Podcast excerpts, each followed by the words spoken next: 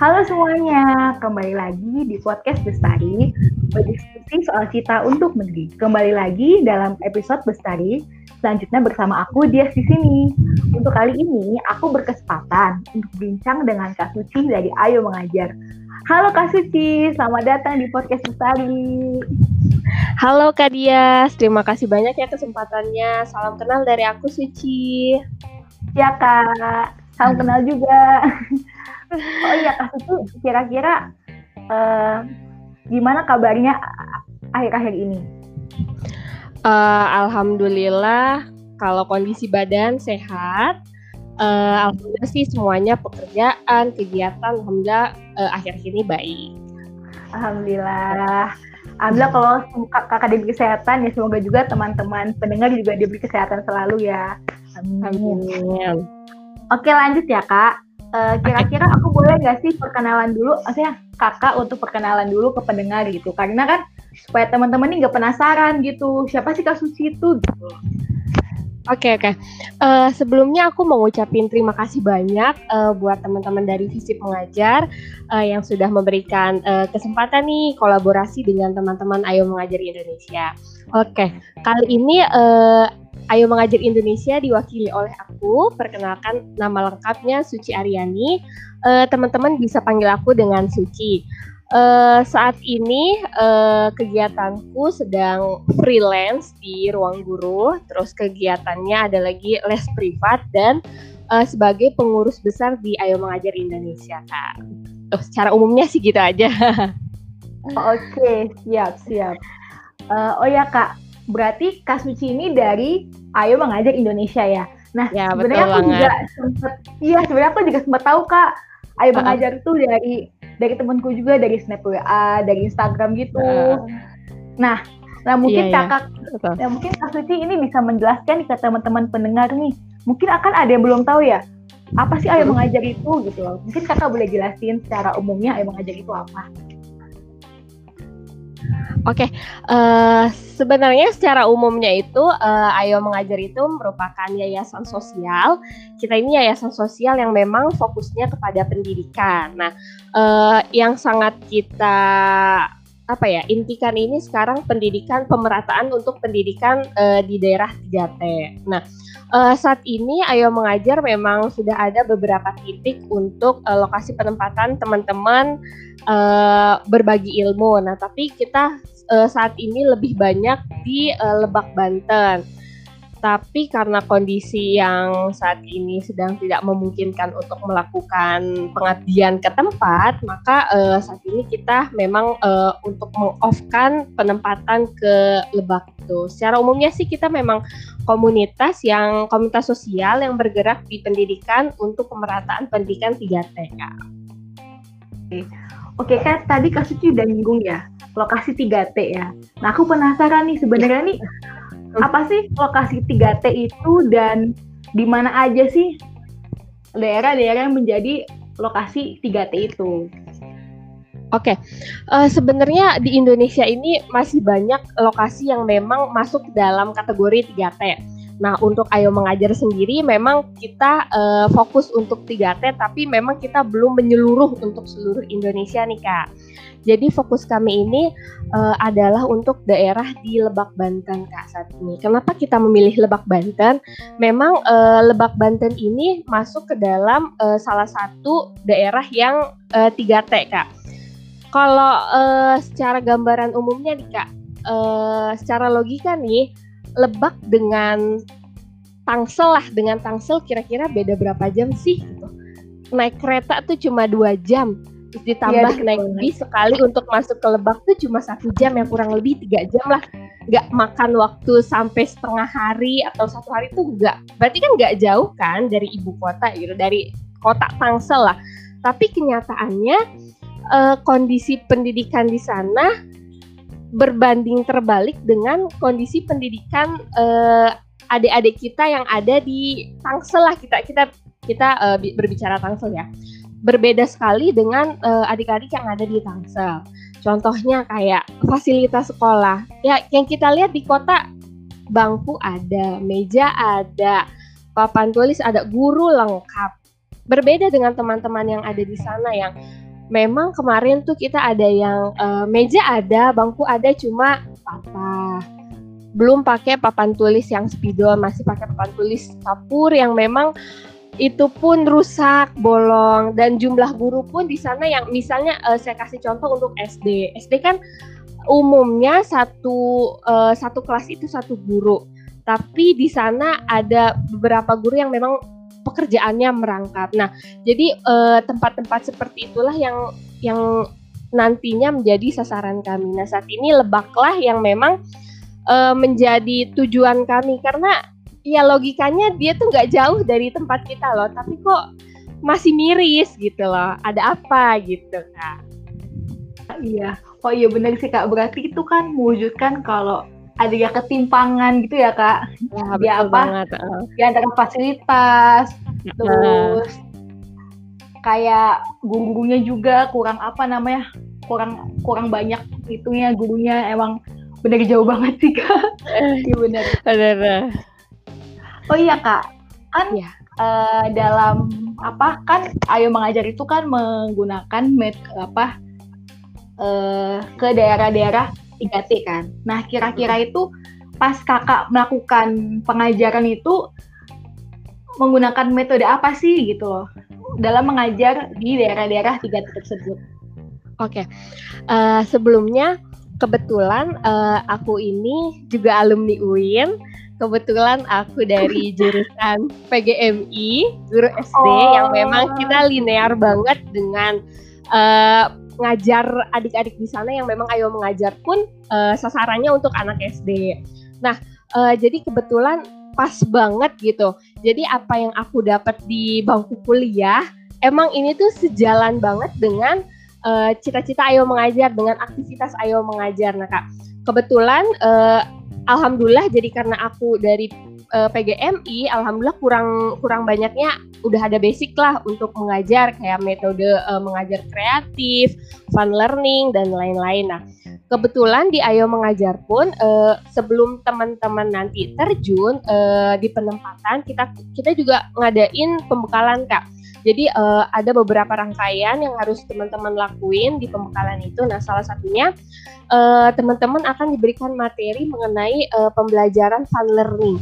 Jadi kan uh, kita tuh uh, untuk relawannya tuh nggak mesti banget dia anak pendidikan. Jadi untuk teman-teman di luar pendidikan juga boleh ikut. Nah, untuk teman-teman yang non pendidikan pasti awam dong dengan cara ngajar, dengan gimana sih ngedeketin anak tuh, pasti kan masih bingung. Nah di sini uh, dari Ayo Mengajar tuh memfasilitasi bagaimana teman-teman untuk mengajar dengan fun learning, mengajar kreatif, mengajar biar anak-anak itu seneng, ice breaking dan lain-lain gitu kan. Jadi kurang lebih uh, apa yang dibekalkan kepada teman-teman relawan itu seperti uh, kita mengajar di keguruan lah gitu kan.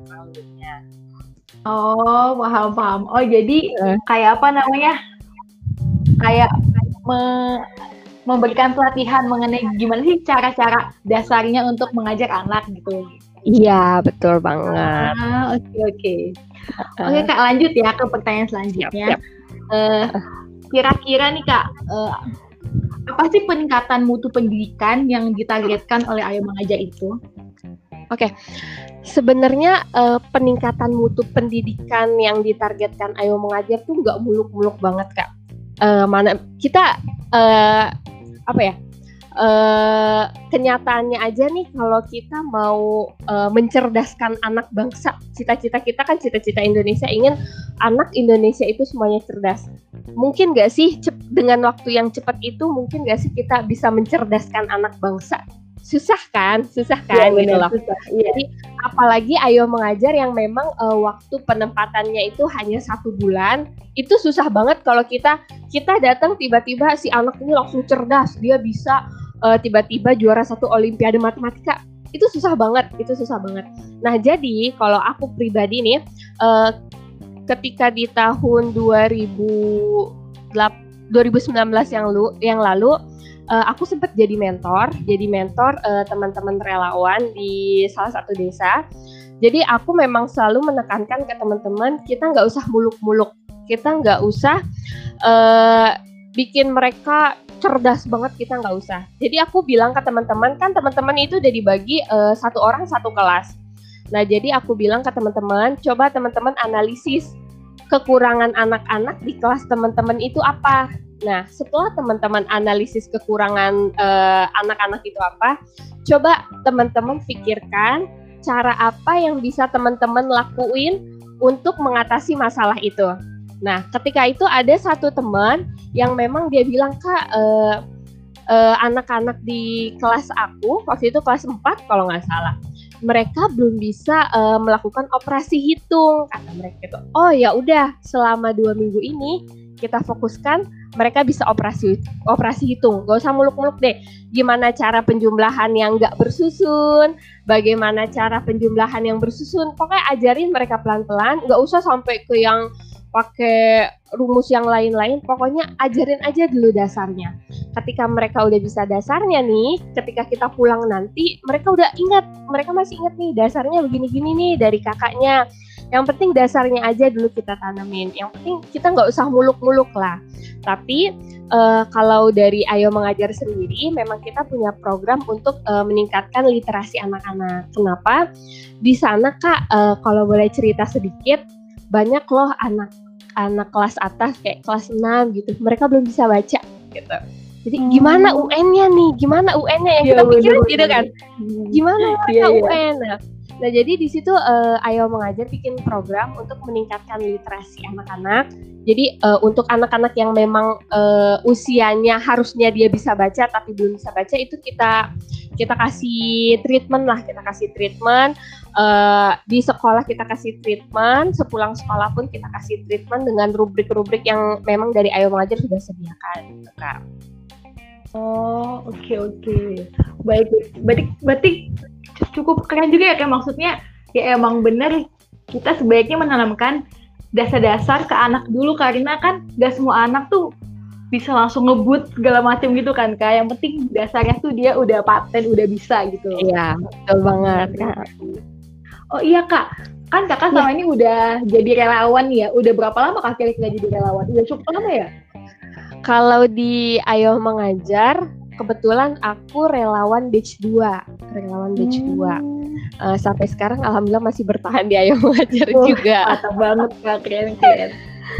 Oh iya kak, kan kakak yeah, selama yeah. ini jadi relawan ya. Kira-kira nih ada nggak sih apa hal-hal menarik tuh komit yang selama ini dirasakan selama menjadi relawan tuh ada nggak sih kak? Hal-hal yang mau bekas gitu loh, ada nggak? Hal-hal. Kalau menarik tentunya uh, ketika jadi relawan di Ayo Mengajar banyak banget kak, nggak bisa diceritain. Kalau kalau menarik ya, emang dari awal sampai pulang tuh semuanya menarik, jujur menarik semua. Tapi untuk ada hal-hal yang berkesan dan yang masih aku ingat sampai sekarang ada kak. Ada dua yang masih aku ingat sampai sekarang. Yang pertama itu uh, ketika aku jadi relawan di penempatan ada gempa di Lebak. Ya itu aku nggak pernah lupa. itu gempa, lagi gempa tahun 2000 2018 kalau kalau nggak salah 2018 awal ada gempa di sana. Tapi bukan yang tsunami, bukan yang tsunami. Itu ada gempa itu yang memang benar-benar aku ingat banget. Uh, kita lagi uh, itu waktunya kita lagi istirahat. Jadi jadi kita gini waktunya kak uh, sekolah dari jam dari pagi da, dari jam 7 eh setengah 8 sampai jam 12 dah uh, dari jam 12 sampai jam setengah dua itu kira-kira setengah dua kita istirahat. Nah di jam 2 kita ke, ke sekolah lagi jadi kita ada ekstrakurikuler gitu. Nah jadi di spare waktu kita istirahat tiba-tiba ini di di tem, di lebak lah gempa lah. Gempa kita masih di rumah. Eh gempa semua orang lari kan keluar. Ternyata anak-anak udah pada di sekolah anak-anak udah nungguin kita di sekolah untuk ekstrakurikuler. Sedangkan setahu aku tuh kata ke, apa orang di sana sekolah itu tuh bangunan lama. Jadi dia uh, gampang roboh gitu kalau ada gempa kayak gitu kan. Terus kita uh, keluarlah huru hara di luar. Nah ada satu teman kita yang datang ke sekolah satu tim kita datang ke sekolah buat nyuruh mereka pulang. Kita hari ini gak ekstrakurikuler tapi mereka apa coba kak? Mereka wah kak dateng kak. Nggak apa-apa kak. Sini kami mau belajar kak. Nggak apa-apa kak. Gempa kak. Ayo kak datang gitu. Kita di situ antara antara marah dengan duh mereka masih butuh kita gitu kan. Nah itu udah kita jadi kita sepakat suruh mereka pulang suruh mereka pulang. Karena kan um, keamanan lebih penting. Nah di situ teman-teman pun udah ada beberapa yang nangis yang mungkin udah uh, kayaknya harus pulang nih udah nggak hmm. udah nggak aman mereka takut yeah. tapi tapi kita kita coba tenangin teman-teman yuk kita pikir lagi tujuan kita apa ke sini. Masa baru beberapa hari kita ke sini kita udah pulang bagaimana nanti keadaan anak-anak? Mereka tuh dengan kedatangan kita tuh mereka excited banget serius excited banget. Nah itu ya kayak yang pertama yang kedua ada lagi kak. Jadi aku waktu itu sempat ngajar kelas satu kalau nggak salah. Satu apa dua? Pokoknya kelas bawah. Terus di situ anak-anaknya belum bisa baca belum bisa baca. Terus aku ajarin kasih huruf di papan tulis. Eh ada satu anak yang nepok punggung aku kalau nggak salah nepok punggung aku gini. Kok uh, maaf ya ini pakai bahasa Sunda ya. Aku ingat ya, banget kata-katanya. Kata-katanya gini kak kami tuh bisa kak. Ajarkan kami kak. Dia gitu mulu. Itu yang selalu aku inget tuh. Dia tuh nepuk ini aku. Kak kami tuh bisa kak. Ajarkan kami kak. Itu yang sampai ketika saat aku udah pulang di jalan terus di kampus waktu itu aku ingat banget anak itu aku ingat banget dia nepuk aku dia ngomong itu dan kemudian pas kira-kira di batch 4 apa batch 5 aku ketemu dia lagi dia udah bisa baca dia udah bisa nulis. Itu seneng banget sih ya Allah itu masih seneng banget ya kak ya. Kayak yeah. melihat progresnya dia gitu. Ya walaupun mungkin emang dia tuh bisa baca atau bisa nulis tuh bukan bukan hanya dari aku mungkin atau dari orang tua dari gurunya tapi setidaknya aku pernah ada buat bantuin dia baca gitu lah yeah. itu yang bener berkesan banget buat aku kak Iya sih bener ya rasanya kok melihat ya anaknya awalnya yang dia gak bisa terus terus jadi bisa tuh rasanya bahagia banget ya bener iya. oh iya kak uh, selama kakak menjadi relawan tuh hmm? kira-kira ada nggak sih tantangan dan hambatan yang pernah kakak lalui gitu lah pas lama jadi kegiatan relawan itu? Uh, kalau di selama kegiatan penempatan ya, kalau selama kegiatan penempatan, aku nggak pernah ada uh, tantangan atau hambatan tuh belum ada. Alhamdulillah belum ada. Tapi ketika aku uh, dari apa namanya? Dari aku kan alhamdulillah di Ayo Mengajar sudah lama. Tapi ketika aku masih kuliah dan masih aktif di Ayo Mengajar, tantangan terbesar itu orang tua. Kenapa orang tua? Jadi orang tua tuh kayak apa sih? Kegiatan mulu sih kegiatan mulu. Emang bisa bikin kamu CPNS eh bisa bikin kamu PNS gitu. Emang kalau ngajar ke Lebak mulu ngajar ke daerah mulu bisa bikin kamu PNS itu sih tantangan terberatnya. E, itu ucapan orang tua jadi tantangan terberatnya sih. Iya pasti jadi kayak sebenarnya tuh yang kayak ucapan-ucapan dari orang tua kakak tuh sempat bikin kakak down atau enggak sih waktu itu? Atau malah Sebenernya tambah semangat down banget sih down banget. Aku jujur aku ya lu jangan diikutin ya. Aku pernah bohong banget. Uh, aku pernah bohong gini loh. Uh, emang kan ditanya kayak gitu emang bisa bikin kamu PNS gitu kan. Terus aku bilang uh, iya bisa. Kataku nanti aku ikut relawan ini dapat sertifikat loh kataku gitu. Nanti sertifikat ini bisa aku bilang gitu. Padahal aku nggak tahu sama sekali. Ini demi aku bisa ikutan demi aku bisa ikutan kayak gitu. Tapi lama-lama lama-lama alhamdulillah pun sampai aku uh, met, uh, penelitian skripsiku kemarin aku ambil datanya dari uh, adik-adik yang di Lebak dan situ pun orang tua aku mempertanyakan ya kenapa harus jauh-jauh? Emang nggak ada sekolah di Jakarta ini yang yang bisa kamu ambil datanya? Gitu. Terus aku nggak kalau dijawab secara lisan nggak bisa. Jujur nggak bisa. Karena yang memang udah cinta gitu ingin kembali lagi ke adik-adik di sana ingin ada lagi yang diberikan jadi emang itu nggak bisa diungkapkan dengan lisan. Jadi sekarang uh, sepertinya orang tuaku udah ngelihat apa yang aku lakukan dan apa yang aku uh, dapatkan selama aku di Ayo Mengajar. Jadi mereka kayak sekarang tuh sudah uh, ya udah nggak apa-apa gitu. Ternyata memang ada yang dihasilkan gitu loh kan sekarang. Oh iya bener-bener. Jadinya kayak apa udah ada pencapaian yang ya kakak hmm. dapat dari Ayo Mengajar itu jadi orang tua percaya gitu kan kak. Iya. Jadi ada bukti lah gitu. Iya, ada betul bukti ya bener bener bener. Oh iya kak, aku mau tanya lagi nih. kan ya kan kalau kalau jadi relawan kan susah ya kan kadang kak dalam apa ya dalam untuk membentuk komitmen gitu loh kak karena jadi relawan kan nggak mudah ya kak karena pasti banyak pengorbanan yang dicurahkan gitu untuk menjadi relawan nah kira-kira dari kakak sendiri nih ada nggak sih cara untuk tetap berkomitmen atau membentuk komitmen sebagai relawan itu? Oke, okay.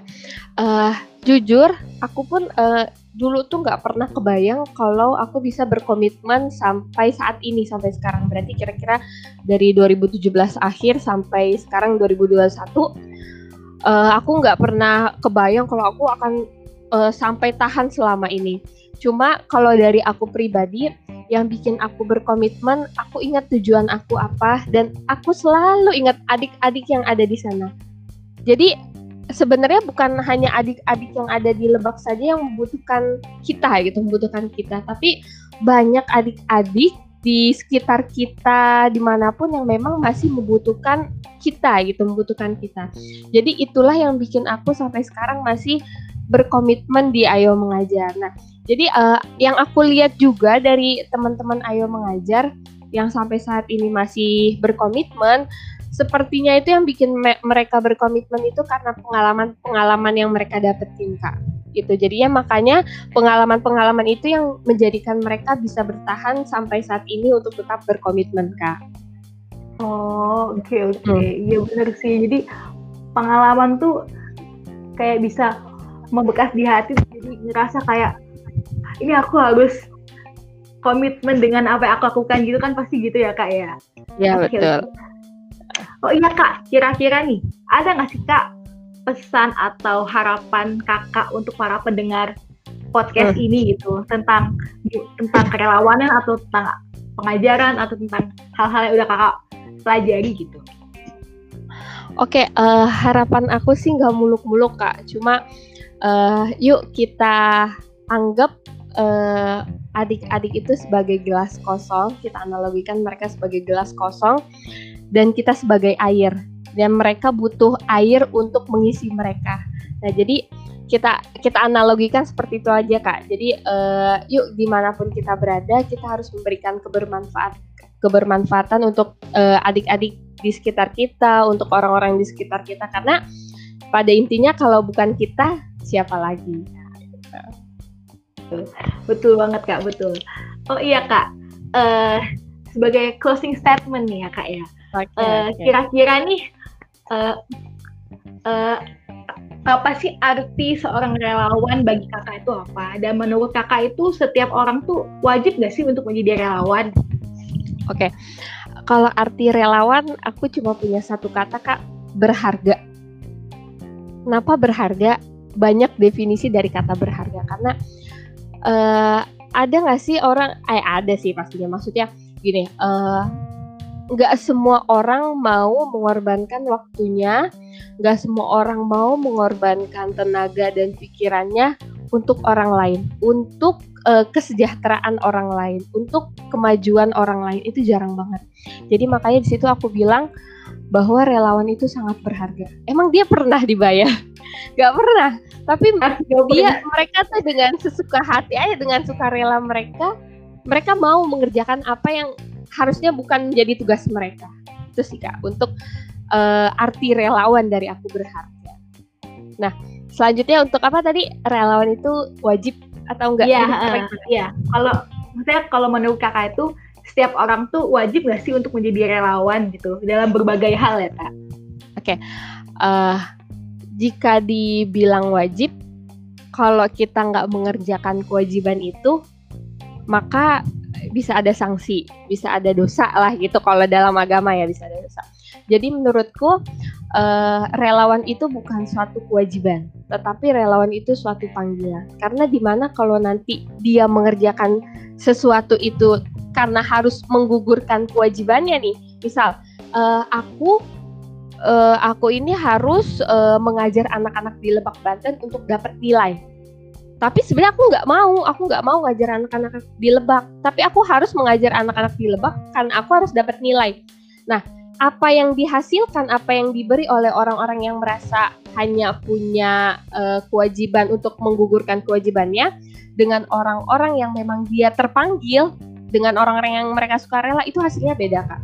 Aku bener-bener udah ngerasain di ada di posisi kedua itu emang hasilnya tuh berbeda jadi menurutku kalau ditanya wajib apa enggak enggak wajib karena relawan itu panggilan jiwa kak Ya bener-bener. Karena kalau udah dari hati tuh akan lakukannya tuh bener-bener sepenuh hati dari hati yang pengen terdalam. All in lah ya bahasanya gitu. Iya. Dan nanti akan sampai ke hati lagi kak gitu. Kalau kita kasih dari iya. hati, nyampe juga ke hati lagi.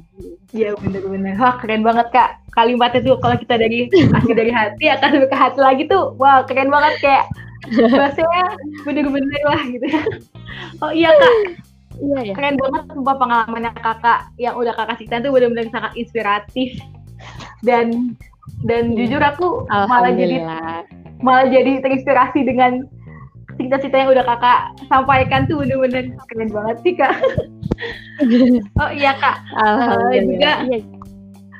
semoga juga uh, gak cuma aku yang bisa terinspirasi dari saya kakak, semoga juga para pendengar Amin. juga bisa memetik inspirasi dari pengalaman kakak dan juga siapa tahu memang bisa terdorong juga untuk terjun ke dunia kerelawanan ya semoga aja ya.